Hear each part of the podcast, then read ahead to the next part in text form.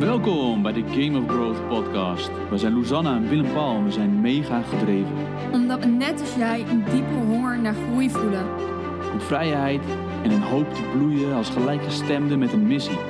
De onwetendheid op te lossen door meer kennis en licht. En patronen en belemmerende leugens te doorbreken en verstoren. En de volle smaak van het leven te proeven. Meer en meer te worden wie we diep van binnen altijd al zijn geweest. Let's do it. Welkom bij de podcast van de Game of Growth. En vandaag hebben we het over een van de groeikillers. Groeiremmers, zeker. Dus Ja. is deze reeks groeiremmers, dit is seizoen 1. Vooral dingetjes die we zelf hebben gemerkt, die ons tegenhielden. Of wanneer we er doorheen braken, ze juist echt wel een soort effect gaven dat we een doorbraakervaring hadden. Ja, precies. En we zaten met elkaar, we hebben met elkaar gekeken naar wat zijn die groeiremmers voor ons. En een van de dingen die voor ons heel erg sterk naar voren kwam, ehm, is eigenlijk gelinkt aan de uitspraak: het leven gebeurt voor je in plaats van tegen je, van Tony Robbins. Zijn uitspraak is: Life doesn't happen to you, life happens for you. In het Nederlands zou je kunnen zeggen: Het leven overkomt je niet, maar het, het gebeurt ja, om je te dienen. En als je dat in alle dingen doortrekt, is dat wel echt een, eh, een van de meest. Ja, Mind-opening. ja en, ook gewoon eh, je blik verwijderend. Weet je, het, het ver- verandert bijna alles hoe je het ervaart. En het heeft heel veel te maken met de betekenissen die je geeft aan wat er op je pad komt. Of je dingen ziet als een obstakel, als iets wat je in de weg zit, als iets wat je belemmert. Of dat je dingen ervaart als, wauw, dit is een kans. Of dit is iets wat me als een cadeau gegeven wordt. Ook al snap ik nog niet wat hierin verborgen zit. Of een uitnodiging. Een uitnodiging om te groeien. En als je die diep in je vezels gaat voelen, dan gaat je beleving van dingen veranderen en je groei versnellen. En een van de dingen die daar voor mij heel erg mee te maken hebben, is een stukje heling aangaan. En dat komt eigenlijk omdat op het moment dat het leven ons overkomt, we vaak getriggerd kunnen worden door dingen. Ehm, dingen gebeuren, mensen zeggen dingen, mensen stappen op je, eh, nou ja, op je rode buttons, zeg maar, zo noem ik ze maar. In mijn geval gebeuren triggers sowieso. Of je het nou eh, kijkt als overkomen of eh, dat het voor je gebeurt. Maar het zijn sowieso landmijnen die gewoon afgaan. Waarvan je denkt, ik krijg een knoop van in mijn buik. Ik, ik, ik ben mezelf niet meer. Ik kan mezelf niet meer herpakken. Of dat soort dingen, weet je. Dat je gewoon helemaal in je bubbel komt. Sommige mensen gaan misschien wel de strijd heel erg aan. Maar dat je gewoon merkt, ik ben mezelf niet helemaal. En dat we eigenlijk door die triggers geleefd worden, als het ware, toch? Ja, zeker. Dat, precies dat. En dan is het inderdaad wel wat jij zegt, dat als je de overtuiging hebt dat het gebeurt voor je, dat je je dan kan afvragen van, hé, maar wat zit er dan eigenlijk in die trigger wat me kan dienen, weet je? Wat kan ik hierin ontdekken? En als je je voelt van het leven overkomt me, dan denk je vooral, hé, die eikel of die klojo of die trutje, die moet uit de weg. Of die moet, ik die moet ik vanaf nu gaan vermijden. Of hoe kan ik die mensen als het ware bijna soort van uit de weg ruimen. Maar dat eh, meer op een gevoelsmatige basis, dat, we gewoon, dat het te veel pijn doet. Om, weet je wat, over het algemeen worden we gewoon getriggerd door mensen. Of ze nou heel ver weg staan, of we nou met ze werken, of dat ze nou heel dicht bij ons staan. Ehm je, mensen met, ki- met kinderen die moeten natuurlijk heel hard lachen. We hebben net een baby van negen maanden die net liet gillen tijdens de call, dus we hebben maar weer overnieuw gedaan. Maar gewoon, ehm, ja, worden getriggerd overal. En eh, dus het is meer de vraag van, hmm, cool, wat zit er eigenlijk verborgen? En voor mij is een trigger vaak een open deur of een deur van uitnodiging naar heling. En eh, dat is denk ik een beetje waar we over gaan spreken vandaag. Over hoe ga je daar met, eh, met heling om, zeg maar. Ja, precies. En ik denk wat ik daar aan toe wil voegen is, vaak zien we dat we getriggerd worden door mensen en soms zijn het ook situaties. En als we het dan hebben over triggers en we hebben het over heling, dan denken we vaak dat we misschien wel iets heel heftigs meegemaakt moeten hebben. Dat we misschien wel een heftig trauma moeten hebben of dat er iets heel groots gebeurd moet zijn in ons leven voordat we kunnen kijken naar heling. Dus anders hebben we nergens last van. En heel lang was dat wat ik voor mezelf eigenlijk stiekem hier en daar ook wel een beetje geloofde. Ik had mensen in mijn omgeving waarvan ik zag dat ze grote dingen hadden om te helen. En ik dacht, hmm, ik ben best wel goed uit nestje gekomen. En eh, ik geloof ook dat ik echt wel uit een heel goed gezin kom. En toch zie je dat ook daarin iedereen zijn eigen triggers heeft. Die zorgt dat eh, er patronen in onze hersens gelegd zijn, waardoor onze vrije keuze verkleint. En waardoor ons gevoel van geluk verkleint. Ja, wel goed, ja. Maar wat je zegt vooral is dat dingen die we meemaken of gemaakt hebben, die een vorm van trauma hebben achtergelaten, zijn over het algemeen ook relatief. Wat ik bedoel te zeggen is dat de impact die het maakt op een kind zonder filters, kan zijn dat een ouder die eventjes uh, snauwt omdat hij gewoon even druk is. Dat kan op een kind zonder filters al heel veel impact maken, wat misschien dezelfde impact heeft van een kind wat wel een heftige situatie is. Dus ja, we kunnen dingen nooit vergelijken. Dat we bij onszelf, wat jij zegt, een soort meter houden van de traumameter. Van, oh ja, 1 op 100. Hoe heftig is het? Oh, het is niet zo heftig, dan hoef ik niks te helen, weet je wel. Of dan mag ik er geen last van of hebben. Dan mag ik er geen, of dan mag ik er ook geen aandacht aan hebben. Ik moet niet aanstellen, want uh, uh, ik ben nooit geslagen. Of uh, ik heb nooit dit of dat meegemaakt. Dus ik denk dat is best wel vet. En wat ook een beetje de bottom line is, is dat um, ik zie dat ik zelf en mensen om mij heen vastlopen als we niet hier doorheen komen.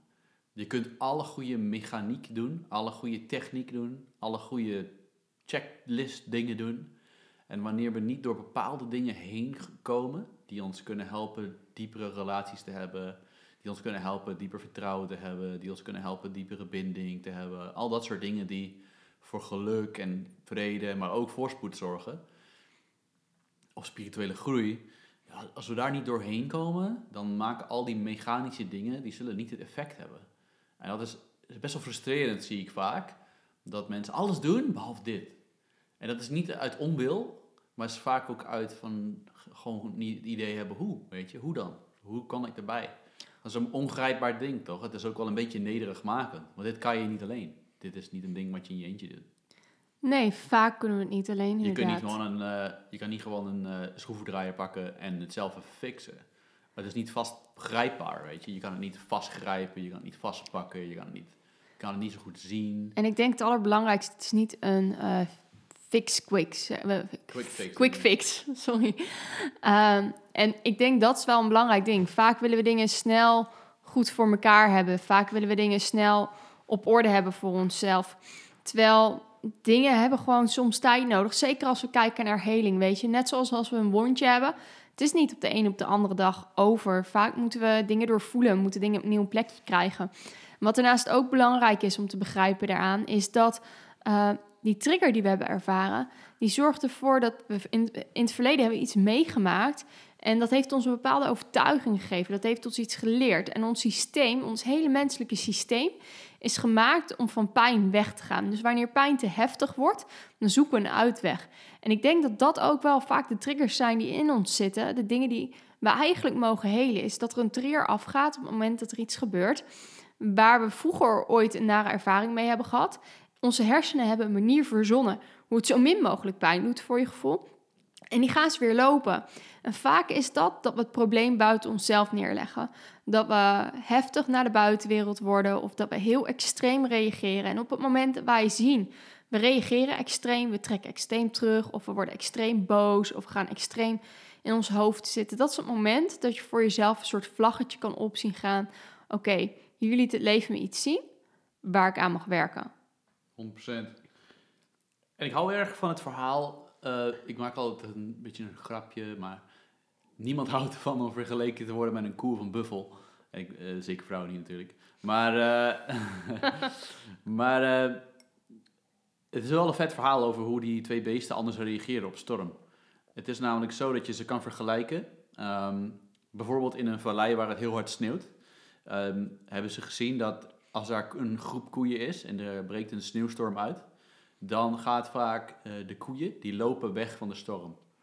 En wat er gebeurt als de koeien weglopen van de storm, is dat de storm heel lang boven ze blijft, omdat ze eigenlijk een soort van meelopen met de storm. En de buffels, uh, die gedragen zich anders, die gaan eigenlijk naar de storm toe lopen, zeg maar. Dus die lopen er doorheen. En dat betekent dat ze het misschien een beetje meer intens hebben en wel sneller er doorheen zijn. Dus het is wat intens en kort, in plaats van heel lang en zeurderig.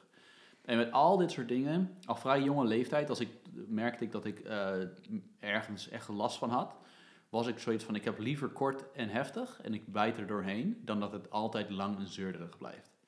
En dat is ook hoe je met deze dingen kan omgaan, om te leren van de nieuwsgierigheid te prikkelen van ik wil er snel doorheen gaan, in plaats van allerlei ontwijkgedrag uh, vertonen. En ik zie dat daar heel vaak, um, kijk, zijn allerlei theorieën over lijden en pijn en dat soort dingen. En sommige pijn en lijden dient ons. En ik zie dat sommige pijn en lijden is zelf gecreëerd. En sommige pijn en lijden die we zelf creëren, is, is eigenlijk niet nodig, uh, vind ik. Uh, hoeft niet, weet je. Het is te voorkomen. En dat vind ik mooi in deze calls, dat ik voel wel een soort van behoefte om dan dingen, dat, dingen te, die te voorkomen zijn. Weet je, dat geeft ook hoop, toch? Dat dingen minder pijnlijk, korter, sneller over kunnen gaan. En ook dat we antwoorden vinden, dat we niet zien dat we gek zijn. Of dat we niet denken, ik ben de enige die er last van heeft. Want ik denk, dit zijn hele normale dingen. Hmm. En in onze maatschappij, waar alles online er heel mooi uitziet, uh, vergeten we soms dat iedereen zijn eigen verhaal heeft. En dat iedereen zijn eigen dingen met zich meedraagt. En iedereen zijn eigen pijn heeft om op te lossen. Uh, alleen dat zien we vaak niet achter de uh, schermen. Vaak zien we alleen maar wat er aan de voorschermen uh, zichtbaar is. En Ja, we zien en alleen maar de mooie dingen. verslaving vandaan, zeg maar. Dat verslaving is zo tegenwoordig zo toegankelijk. Van, of nou koopverslaving is, zo makkelijk, niemand heeft het door. Of het nou Netflix is, of, of werk, of social media. Weet je, en dat zijn alleen nog maar de sociaal geaccepteerde oppervlakkige verslavingen waar nobody's gonna call you on them, zeg maar. En dan heb je natuurlijk nog heel veel andere verslavingen die iets meer of taboe zijn, of waar mensen wel wat schaamte of dingen op hebben. Maar dat ligt gewoon voor het oprapen. En dat zorgt, die doen we heel vaak om pijn te vermijden, weet je. En ehm, dat is gewoon een dingetje. Iets wat wel heel erg helpt, is om te leren dat wij niet onze traumaatjes zijn. We zijn niet onze pijn, we zijn niet onze emotie, we zijn niet onze, dus niet wie we zijn. En dat maakt wel dat we kunnen voelen van, hé, dit is gewoon iets wat ik voel, iets wat ik opkomt. En heel vaak die dingen die we ooit hebben meegemaakt, het helpt ook heel erg dat we realiseren dat we zelf daar niet voor gekozen hebben. Dus dat we zelf ons ook niet hoeven te schamen wat we voelen. Of schamen waar we doorheen moeten. Weet je, we, eh, nobody chose for it, zeg maar. Meestal zijn dat op momenten in ons leven gekomen dat we hadden geen idee. We, we hadden er niet voor gekozen. Op dat moment deden we ons best. En ook En- dat je terugkijkt in je, in je leven van... Hey, misschien vorig jaar of twee jaar geleden ging je er nog vet messed up mee om. Eh, of was je nog een rommel. Ehm, en daarop terugkijkend van, oh, I messed up, weet je. Wat een eikel dat ik het niet eerder door had of zo, zeg maar. Dat soort gevoelens heb ik ook best wel eens een keer gehad. En ik merk als ik, eh, toen ik daar losser naar ging kijken op een manier van, eh, met liefde naar jezelf, toch? Een soort van, ik deed toen echt mijn best. eh, zo goed als ik op dat moment kon. Met, dus ik, kon. ik roeide met de riemen die ik had dat helpt om jezelf een soort van off de hoek te laten, zeg maar. Want meestal als je met dit soort intense dingen bezig gaat, komt er, veel, er wordt alles kleurrijker, zeg maar. Maar alles wordt ook een beetje donkerder, zeg maar. Dus dan is het heel makkelijk om de hele werkelijkheid, als het ware, een soort donkerder te gaan beleven. En dus ook je oordeel naar jezelf. En ik denk dat dat heel belangrijk is. Want als we ervan uitgaan dat we altijd ons uiterste best hebben gedaan... in welke situatie we dan ook zaten... dan kan je op een liefdevolle manier naar jezelf gaan kijken. En dan kan je vanuit een liefdevolle manier ook gaan kijken naar nieuwe mogelijkheden. Want als we onszelf vastpinnen op wat slecht dat je dat niet gedaan hebt... dan is het heel moeilijk om een nieuwe waarheid te omarmen... of om een nieuwe visie te omarmen. Dus misschien ervaar je zelfs nu, nu je naar luistert... dat je denkt, oh, ik heb dingen niet handig gedaan. Ik voel me er vervelend over, ik voel naar over... Weet dat je doet wat je kon doen. En nu krijg je misschien wel nieuwe kennis waarvan je denkt: hé, hey, hier kan ik weer wat meer mee doen. Dus probeer daarin eh, lief voor jezelf te zijn, maar wel daadkrachtig. Dus als je ook maar iets voelt wat naar boven komt waarvan je denkt: ik moet hier naar handelen, doe het dan ook. Neem je acties. Nadat je klaar bent met deze call, luister ernaar. Want het is ook heel makkelijk. Soms worden we herinnerd aan iets waarmee we aan de slag mogen gaan, of voelen we iets omhoog komen om het snel weer te sussen en te doen alsof het niet bestaat. Ehm, dus wees daarin heel eerlijk met jezelf. Probeer eerlijk te zijn op een liefdevolle manier en te kijken naar, oké, wat laat het leven mij nu zien? 100%. Dingen die voor ons gewerkt hebben, is werken met echt een therapeut. Weet je, therapeut is vaak hoe een, iemand die business doet, die noemt dat vaak een coach. Dat voelt eh, stoerder of zo. Ehm, heel vaak hebben ze gewoon dezelfde technieken. Maar soms is gewoon echt een hardcore professional, zoals een therapeut, wel echt de weg. Eh, soms zijn het coaches, soms zijn het EFT-coaches of hoe noem je dat, EMDR. We werken zelf met essentiële olie die heel veel impact hebben om het proces te versnellen. Dus die nemen het proces niet van ons af, maar die zorgen dat je sneller door het proces als het ware heen kan zakken, zodat je meer bij de kern komt van, eh, van de issues, zeg maar. Zeker, en op dat vlak denk ik ook dat het heel belangrijk is. Op het moment dat er iets naar boven komt wat een heftig gevoel geeft, zien we vaak dat het gevoel zo overweldigend is dat we er een verhaal omheen gaan creëren. We gaan daar verhalen omheen creëren die het verhaal soms erger maken of juist minder erg maken, waardoor we wegstoppen. Mm. En ik denk het grootste probleem wat we hebben is dat we niet dingen echt durven te doorvoelen. Maar doorvoelen kan heel heftig zijn. Ehm, zeker wanneer er echt gewoon heavy, wanneer er een heavy load is. En dat is het moment dat ik zelf kies om mijn olie in te zetten, om die heavy load ietsjes lichter te maken, zodat ik er in ieder geval naar kan kijken en er niet in verdrink. Wat daarbij belangrijk is, is ehm, dit is een ding wat ik vaak zie wat mensen tegenhoudt van vooruit bewegen als ze bezig zijn met ehm, dingen opruimen. En dit is een ding wat ik zelf ook veel heb gedaan. Ik heb twee dingen veel gedaan toen ik door heftige emoties heen ging. Eén was dat ik van mezelf vond dat ik niet mocht aanstellen. Dus ik ging alles goed praten in mijn hoofd. Ik stopte het weg. En wat ik merkte was dat ik steeds minder ging voelen. Dus ik ervaarde steeds minder vreugde en ik werd steeds matter. Oh, je dempt het allemaal. Zeg Je, maar. je wordt, ja, je wordt dof. dof. Als je niet met je gevoelens omgaat en je stopt ze weg, onder welk mom dan ook, dan word je doffer en doffer en doffer. En dat was op een gegeven moment het teken voor mij dat ik dacht, dit is niet gezond. Ik heb geen vreugde meer in het leven. Ik voel me echt super mat. Ik moet hiernaar gaan kijken. Toen Ja. schoot ik de andere kant op.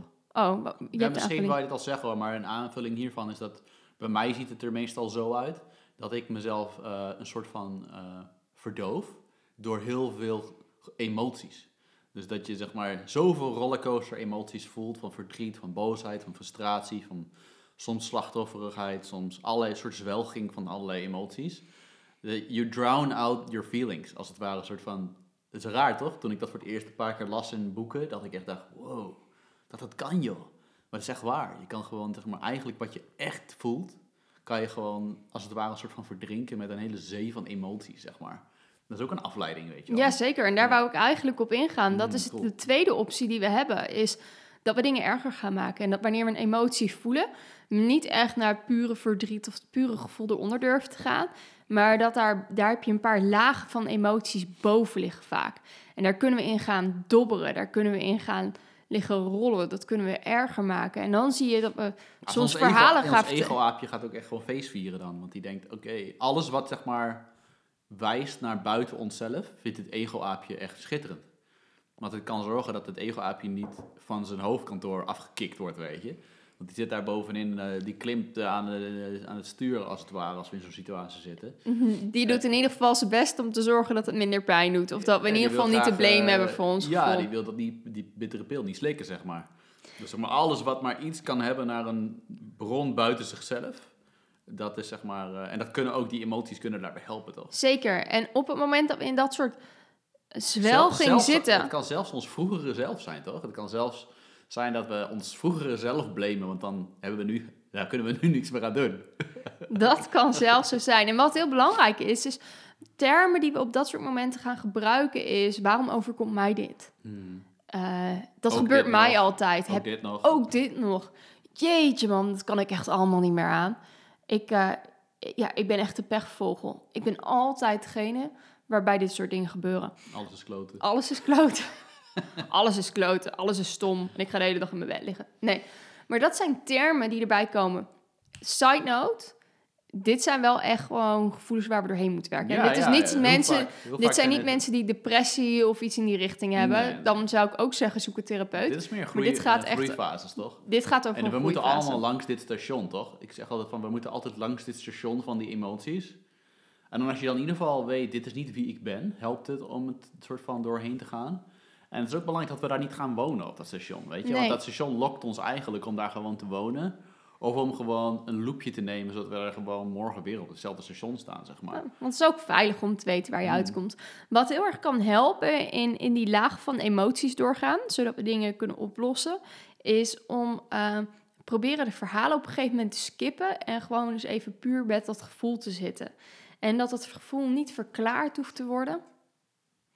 Dat het gevoel niet verklaard hoeft te worden, maar dat we echt gewoon even het verdriet durven te voelen of de boosheid durven te voelen. Gewoon die boosheid. En als je zegt, ik vind het heel moeilijk om erbij te komen, er zijn zoveel manieren hoe je bij je emoties kan komen. Want vaak is de opperemotie die ik veel zie, boosheid bij mensen. Als eerste is het boosheid. Nou, vaak, ja, vaak ligt daar verdriet onder en dan Mm. is het eerst een boosheid of een agressie. En ehm, het kan zijn dat je zegt, ik hang mijn boksbal op. Het kan zijn dat je zegt, ik ga gewoon even heel hard in mijn kussen slaan. Het zijn allemaal manieren hoe je de deur kan openen naar die gevoelswereld als je er niet bij kan, terwijl je wel dat opgekropte gevoel voelt. Ja, dat was laatst toen toch onze kat dood was. En toen bleef je maar een soort van ijsberen door het huis. En het was echt onze favoriete kat die in al onze powerpoints of al onze webinars, overal was dat die bij ons, zeg maar. Het was echt Onze kleine tigri. Onze tigri kat die zat altijd op ons, weet je, was een soort van baby van ons. En eh, toen die overleden was, toen uh, Loes kwam gewoon niet bij de gevoel. En op een gegeven moment heb ik maar die boksbal opgehangen, zeg maar. Echt een huge ass boksbal opgehangen. En toen eh, was ik even weggegaan, ik moest naar een vergadering of zo. Toen ik terugkwam, toen zei ze, oh, eindelijk kon ik gewoon echt voelen weer, zeg maar. Omdat ik gewoon eerst naar boosheid moest gaan. En daardoor kon ik eindelijk naar mijn verdriet. En toen kwamen de tranen, zeg maar. Ja, en ik weet dat voor mij is de weg naar mijn gevoel vaak ook fysiek. Ik Mm. moet in mijn lichaam komen. Als ik in mijn hoofd schiet, dan gaat het niet goed. Dat kan ook zijn dat je zegt, ik ga een rondje hardlopen. Dat kan ook zijn dat je zegt, ik moet een boswandeling maken. Mm. Of ik spring het zwembad in. Of ik ga dansen. Dansen is ook zo'n heerlijke Het is zo'n uitlaatklep. uitspraak van, we vinden gewoon die antwoorden niet in onze kop. We vinden de echte antwoorden altijd in beweging. En in ons lichaam. Mm. Dus het is belangrijk dat we dingen doen die ons helpen om naar ons lichaam te komen. En dat we die ook prioriteit maken. Mm. Vaak kunnen we druk zijn met alles wat nog moet gebeuren. Eh, als ik kijk naar alle moeders, ik weet nu zelf hoe het is om stapels was te hebben. Ik denk, waar komen die vandaan? En kleine ver- eh, verantwoordelijkheden. En op dat soort momenten dat we voelen dat er echt iets is wat naar boven komt, dan is het belangrijk dat we zo snel mogelijk proberen ruimte te creëren om daarna te kijken. Dus dat we die was misschien een keer een middagje uitstellen om daarna te gaan kijken. de vuile was in je kop eh, en in je hart op te lossen, zeg maar. Precies. Want het is ook heel makkelijk om juist met die vuile was weg uit je kop te blijven en bezig te blijven met alles wat moet gebeuren. Dus probeer je daarin eh, liefdevol naar jezelf te zijn door plekken te creëren waarin je ruimte kan nemen daarvoor. Ja, 100%. En, en weet je wat ik heb gezien? Is dat wanneer we door al deze dingen heen zijn gegaan en we zijn door dat station heen van waar we moesten voelen en alles moesten voelen, dan nog steeds kan het ego-aapje op de loer liggen. En een van de laatste stations waar het ego-aapje probeert te trekken aan het stuur, is dat hij ons dingen influistert van, ja, maar je hebt toch gewoon recht op om dit soort dingen te voelen.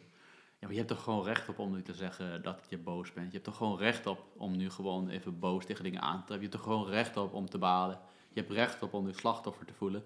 En hij, hij fluistert zeg maar vragen in en die we onszelf stellen, waardoor we emoties als het ware een soort vastklampen, omdat we vinden dat we recht op ze hebben. En dat is maar zo, het is 99,9% waar, zeg maar. Het is gewoon, het is gewoon bijna waar. En eh, je zou bijna kunnen zeggen, het is 100% waar. Afhankelijk van wat je wil dat de uitkomst is. Ik denk dat dat vooral het ding is, want Mhm. vaak hebben we, vaak kunnen we dingen ook als pech ervaren. Mhm. En vaak Maar dat is het lastige, ons ook. Want het is, het is ja, het is waar. En het is alleen, het, ons ego-aapje stelt ons niet de vraag. Wat willen we dat de uitkomst Wat is? willen we de uitkomst is, zeg maar. En die, ons ego-aapje is zo sneaky en zo overtuigend om de juiste toon op het juiste moment in te fluisteren. Zodat we eigenlijk denken van, ja man, al die eikels met goed advies. Ik mag gewoon even nu zo voelen. En dan gaan we weer naar ons oude station en dan gaan we ons tent opzetten daar. En dat is zeg maar, dat ego-aapje probeert ons daarin te lokken, zeg maar. Dus die emotionele discipline die we nodig hebben, is dat als ons ego-aapje dat soort dingen influistert, dat we niet wachten tot een ander ons gaat vertellen van, hé, hey, misschien zijn er nog meer dingen waar. Want dan gaan we weer zeggen, ja, hallo, rot op met je advies. Ik mag nu dit. Maar dan gaan we onszelf misschien afvragen, wat wil ik eigenlijk dat mijn uitkomst is? Wat, wat voor uitkomst wil ik? Wat, wat wil ik, zeg maar, bereiken? Wil ik gewoon vast blijven? Of wil ik op zoek zijn naar mogelijkheden die er misschien nog zijn die ik niet zie? En als je dat soort vragen gaat stellen, namelijk, ehm, hoe, hoe, wat kan dit nog meer betekenen? Of waar heb ik nog meer invloed op? Of hoe kan dit mij, hoe kan dit mij helen, zeg maar? Ehm, want ons ego-aapje gaat ons, zeg maar, willen laten dat we ons tent gaan opslaan in, zeg maar, slachtofferstation, zeg maar. Ehm, ik was uit bij Tibor op zo'n eh, event. Hij zei, ehm, dan, wil, dan wil ons ego-aapje eigenlijk dat we radio shit FM opzetten, zeg maar. die moest ik hallo lachen. En radio shit FM, die, die heeft maar twee, twee programma's. Namelijk, ehm, ik, ben een, ik ben een slachtoffer van alles. Of eh, ja, alles is mij overkomen. Of ik paal van alles, zeg maar. Dus dat we daar, daarop, in, daarop in tunen, zeg maar. Dus dat is gewoon ehm, onszelf die vraag stellen, zeg maar. Van, hmm, hoe dient dit mij? En waar heb ik invloed op? Namelijk, ik ga mezelf er even nog uitsnappen. Of ik heb een behoefte. Ik moet gewoon even aan toegeven. En daarna moet ik weer zorgen dat ik kijk waar ik wel invloed op heb, zeg maar. En dat is zeg maar, dat is zeg maar oefenen, zeg maar. Ja, en wat is de mogelijkheid naar groei hier? Wat wil, Mm. wat wil het leven jou laten zien om het volgende niveau van heling aan te gaan? Waardoor het volgende niveau van groei kan komen. En waardoor we gelukkiger kunnen zijn en eh, betere invloed voor onze omgeving kunnen zijn. En ik denk dat daar uiteindelijk alles om draait. Dat op het moment dat we getriggerd worden, dat we gaan kijken naar, oké, welke uitnodiging is hier? Welke dingen moeten hier gevoeld worden? Hmm. welke dingen mogen hier helen. En mijn ervaring van de afgelopen tijd is dat relaties kunnen veranderen en mensen kunnen helen. En ehm, je bent nooit te oud om hulp te zoeken. Ja, is vet toch? En dat vind ik zo gaaf om te zien dat mensen die hulp zoeken, ook al is het super freaking scary en is het makkelijker om soms de laatste tien jaar van je leven, zelfs voor oude mensen, om de laatste tien jaar van je leven te zeggen: Ik ga gewoon zo doorleven, want dit is wat ik altijd gedaan heb. Eh, als die mensen gaan kijken naar heling, dan zie je ze veranderen. Ik zie het nu in mijn omgeving en ik vind het zo stoer om te zien dat je nooit te oud bent om heling aan te gaan. Dat je nooit ehm, te oud bent om hulp te zoeken. Ehm, er is altijd een mogelijkheid en er is altijd een keuze voor verandering. En niemand gaat je daarin tegenhouden, behalve jijzelf. 100%. En, en, en wat je vaak ziet is dat mensen die die stap ne- nemen, die hebben wel een soort van... eh, het is een beslissing, toch? Het is een beslissing en die beslissing die komt niet wanneer je perfect bent. Die beslissing komt niet omdat je denkt, nu is alles volmaakt. Die beslissing die is een beslissing. En hij vraagt wel een soort van brutally honesty voor onszelf, toch? Dat we, we moeten helemaal eerlijk tegen onszelf zijn. En vaak zorgt die brutally honesty ervoor dat we zoiets hebben van, ik ben het zat man. Ik ben het gewoon zat om zo te leven. En eh, ik wil wat aan veranderen, zeg maar. En vaak die gewoon mega eerlijkheid, die zorgt ervoor dat we echt ja, denken van, ja, ik ben er gewoon klaar mee. We gaan er wat aan doen. En ik denk dat dat zo super bijzonder is. Dat we nu in een tijd leven waarin dit kan. Want Super vet, ja. nu is een tijd waarin we vaak overvloed hebben. We hoeven niet meer ons, in, veel gevallen in Nederland, hoeven we ons niet meer druk te maken over of we vanavond een warme deken hebben waar we onder kunnen slapen. Of of we in ieder geval iets kunnen eten in de avond. En ja, er zijn nog steeds mensen die met honger naar bed gaan. Maar het percentage is zo laag vergeleken met generaties voor ons. Ehm, die waren altijd bezig met overleven. Maar deze generatie mag bezig gaan met, met leven. En ik denk dat dat iets heel erg moois is, waar we heel erg gezegend mee zijn. En ik denk dat het ook aan onze generatie is om daarmee aan de slag te gaan. Om te helen wat geheeld mag worden. Wat we misschien wel hebben meegekregen uit generaties die bezig waren met overleven. Ehm, ik denk dat het eigenlijk onze plicht is om dat te doen. Als ik heel eerlijk ben. Ik denk dat het onze taak is om dat te doen. De tijd is nu. De tijd is nu. En ik wil je dus uitnodigen om daarna te kijken. Ga voelen, ga ermee bezig. En zodra je het gevoel hebt van wow, dit is groter dan ikzelf of weet niet wat ik ermee aan moet, ga hulp zoeken. Wanneer je zegt ik vind het moeilijk om mijn mind te controleren, check een keer bij ons wat je met essentiële olie kan doen op de pagina. Ehm, er zijn zoveel dingen die we kunnen doen die ons kunnen ondersteunen. Eén ding wat ik daarbij nog wil toevoegen is wanneer het emotioneel zwaar is, is het super belangrijk dat we goed voor onszelf zorgen. Waarom ik dat zeg, is ehm, omdat op het moment dat het emotioneel zwaar wordt, wil je zorgen dat het lichamelijk makkelijker gaat. Dus op het moment dat we emotioneel zwaar hebben en we gaan te laat naar bed en we gaan onszelf volstoppen met slecht eten, dan gaat ons lichaam het zwaar hebben en dan gaat het nog zwaarder in ons hoofd worden om positief te zijn. Ehm, dus stop goede dingen in jezelf. Zeker Dit is- in de tijden dat het moeilijk is. Dit is echt zo'n perfect kip of het ei ding, toch? Want soms zeggen mensen die het zwaar hebben van ja, maar ik eet slecht, want ik, eh, ik hou niet van mezelf, weet je wel. Of ik zit niet zo lekker in mijn vel, zeg maar. En ehm, het werkt andersom ook, zeg maar. Het werkt ook van, wel, dat is, dat is soms even een feit, weet je wel. Dat staat niet in schrift geschreven. Sterker nog, we kunnen onszelf meer gaan liefhebben wanneer we misschien beter voor onszelf gaan zorgen. Dus dat is ook een omgekeerd ding, toch? Uh, ik heb echt gemerkt van, het is voor mij veel makkelijker geweest zelfrespect, zelfliefde te krijgen naarmate ik meer hulp ging zoeken, meer mensen om me heen had en, en, en beslissingen nam waardoor ik voor mezelf opkwam, zeg maar. Um, gewoon meer dan tien jaar geleden las ik een keer een boek over codependence. En uh, dat had ik gekregen van een vriend van mij. En dat deed echt zo, dat had allemaal van die wow-effecten over dat ik niet zo heel goed was in grenzen aangeven. Ik was echt een mega gever, maar ontvangen vond ik lastig. Um, ik, vond ik nam heel snel andermans crap op mij, als, alsof het mijn verantwoordelijkheid was. En dat is gewoon, eh, tien jaar later zie ik van, wow, het is echt gelukt om een aantal van die dingen echt wel te leren. En nu ben ik weer met dat soort stof bezig van, oké, echt leren ontvangen terwijl ik niet heel erg geef. Dat is echt een thema van mij de afgelopen laatste tijd. Van hoe kan ik dat wel eigenlijk? Kan ik wel eigenlijk echt ontvangen? Of moet ik altijd outgive everybody, zeg maar? En daar meer ontspannenheid in vinden en meer heling in vinden, um, is echt super bevrijdend. En uh, net als als ondernemer, mijn hoofdvraag als ondernemer is altijd: wat nou als het lukt?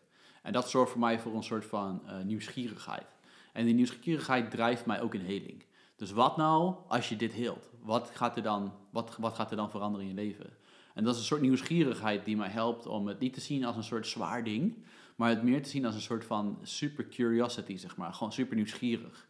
Want ik heb echt meegemaakt dat als er dingen shiften in je, in je heling, zeg maar, dat je de werkelijkheid anders beleeft. Je gaat relaties anders beleven, je gaat meer ontspannen zijn relaties, je gaat veel meer vreugde beleven op heel veel manieren die je nooit eerder gekend hebt. En ik geloof dat dit voor iedereen waar is. Dus iedereen die bezig gaat met dingetjes opruimen, dingetjes helen, dingetjes anders leren ervaren, anders meer echt durven te voelen, meer hun maskers af te doen, is bevrijding. En dat zorgt voor alleen maar vettere beleving van de werkelijkheid. En dat is jouw beleving van de werkelijkheid. Het gaat niet om, je gaat niet per se voor anderen dat allemaal doen. Het is natuurlijk wel fijn voor anderen om je heen, maar je gaat nooit echt die stappen kunnen maken alleen maar voor anderen. Dus het is gewoon die curiosity, zeg maar, die nieuwsgierigheid van wat daar allemaal verborgen zit. Dat is gewoon een, een drijfveer voor mij, zeg maar. Dus niet alleen maar een soort van, oh ja, die pijn moet ik op, moet ik fixen. Maar ook gewoon de nieuwsgierigheid. Dat is gewoon een perfecte cocktail voor mij altijd. Dat je het eerst door een trigger bewust wordt van, hé, hey, wacht, daar zit nog een deur. En daarna te denken, hé man, ik ga er als een buffel nu doorheen. En soms gaat dat niet even snel, zeg maar. Ik denk, geef jezelf daar ook absoluut tijd in. Dit gaat niet over een quick fix. Nee, soms duurt het 10 jaar, 15 jaar, 20 jaar. Maar en soms komt het ook iedere keer op een dieper niveau terug ik denk dat is wat het leven ook vaak doet. Dat het eerst op een bepaald niveau heelt. En mhm. dan gaan we op een gegeven moment lekker. En op een gegeven moment komt de next level heling. En mm. Weet je, kijk daarna dat dat ook iets moois is, dat het mag.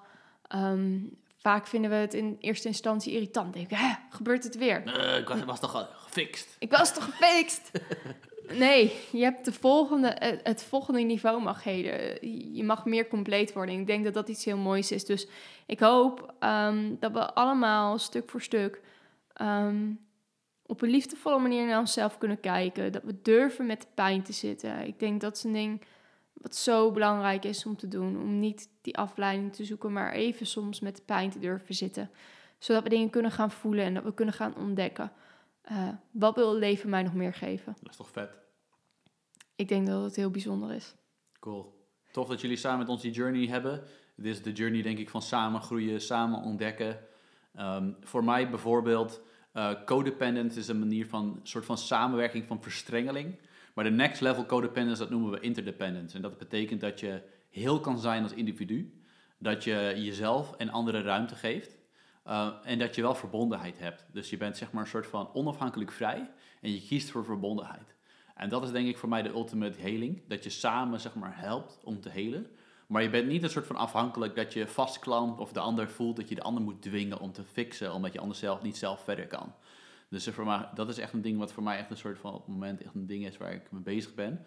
En dat is wat voor mij ook betekent, ja, met mensen partneren, mensen samenwerken. Dat betekent ook gewoon, ja, jullie luisteren hier naar, maar wij luisteren ook naar anderen. We zijn allemaal een onderdeel van elkaar inspireren tot heling, tot groei, tot ontwikkeling, tot vrijheid, zeg maar. En dat is zeg maar, we zijn gewoon onderdeel van die cyclus. Dus we, we moedigen je aan om de dingen die jij hebt te delen met anderen. Zorg dat we allemaal samen een deel van die cyclus zijn. Dat zorgt voor heel veel voldoening. Dank jullie wel. Thanks, tot later. Ja, dat was het dan. De podcast is afgelopen. En we hebben ook een website, gameofgrowth.nl.